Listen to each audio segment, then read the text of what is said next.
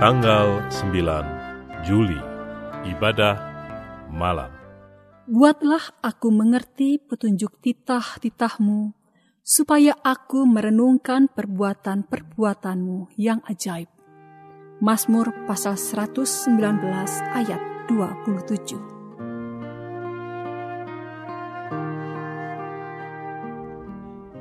Mari meneduhkan, menenangkan, dan memusatkan hati kepada Tuhan.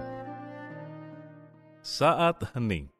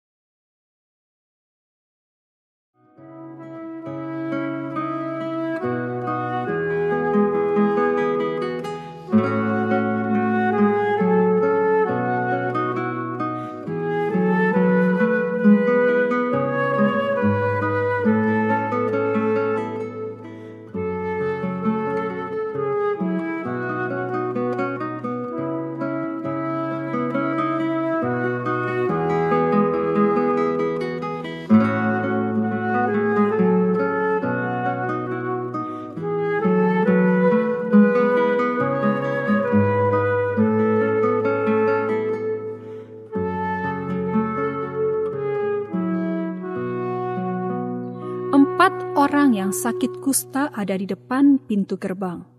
Berkatalah yang seorang kepada yang lain, "Mengapakah kita duduk-duduk di sini sampai mati? Jika kita berkata, 'Baiklah, kita masuk ke kota,' padahal dalam kota ada kelaparan, kita akan mati di sana. Dan jika kita tinggal di sini, kita akan mati juga. Jadi sekarang, marilah kita menyeberang ke perkemahan tentara Aram. Jika mereka membiarkan kita hidup, kita akan hidup. Dan jika mereka mematikan kita, kita akan mati. Dua Raja-Raja pasal 7 ayat 3 dan 4.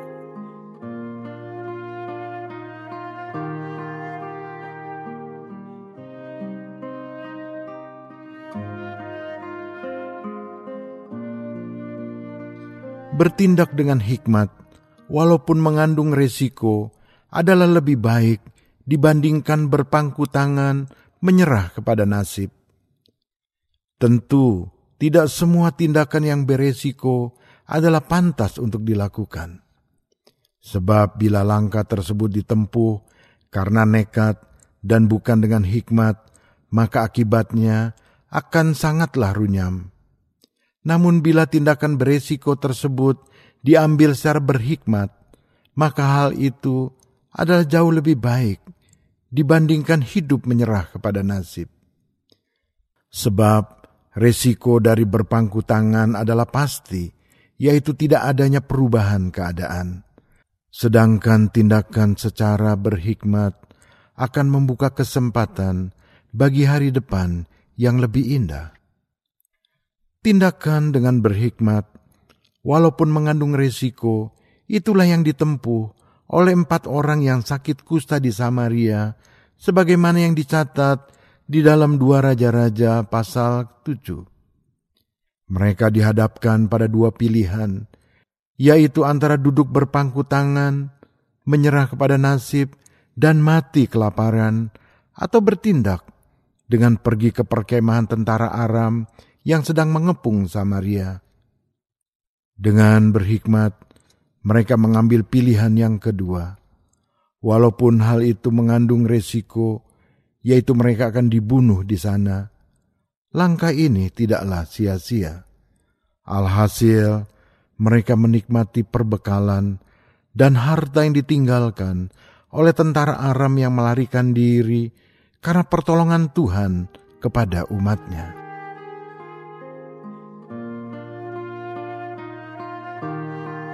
Manakah yang lebih sering Anda lakukan?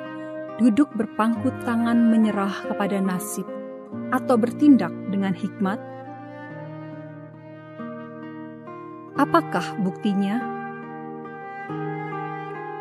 Tuhan, penuhilah diriku dengan hikmat-Mu, dan teguhkanlah imanku kepadamu, agar supaya aku dapat hidup secara maksimal. Acap kali sebaliknya, dari melangkah di dalam iman, aku hanya berpangku tangan, menghindari resiko, dan menyerah kepada nasib.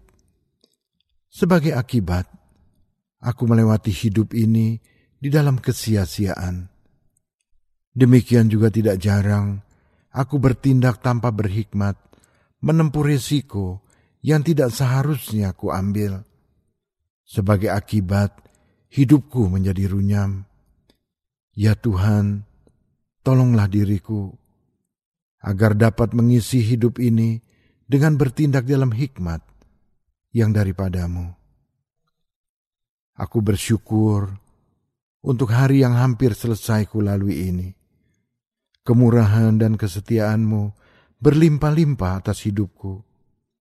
Ketika aku menghadapi kesukaran dan tantangan, engkau senantiasa mengulurkan tangan untuk menolong diriku tepat pada waktunya.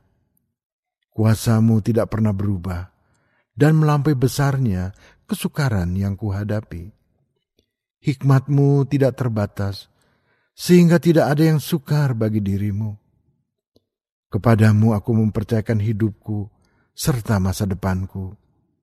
Bersama dengan engkau, aku akan melakukan perkara-perkara yang besar di dalam hidupku di dalam nama Yesus Kristus, Tuhan dan Juru Selamatku, aku berdoa. Amin. Berdoalah untuk orang-orang yang sedang memerlukan dukungan doa Anda.